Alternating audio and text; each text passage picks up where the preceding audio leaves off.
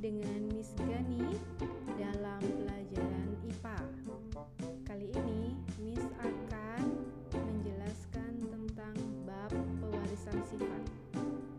Tentunya kalian sudah tahu, setiap makhluk hidup itu mempunyai sifat-sifat tertentu yang sudah menjadi siri, ciri khasnya. Nah, sifat-sifat tersebut akan diwariskan kepada keturunannya atau kepada generasi berikutnya. Pewarisan sifat dari generasi ke generasi ini kita sebut hereditas.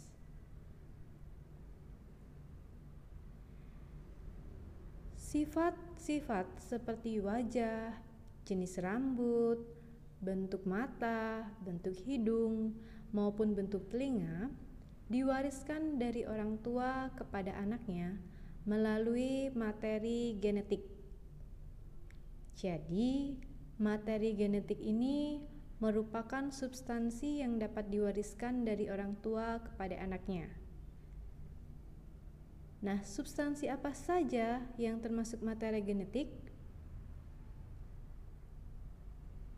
Ada beberapa substansi materi genetik. Ada pula penyusun materi genetik yaitu kromosom, DNA dan RNA, dan gen. Mari kita pelajari satu persatu.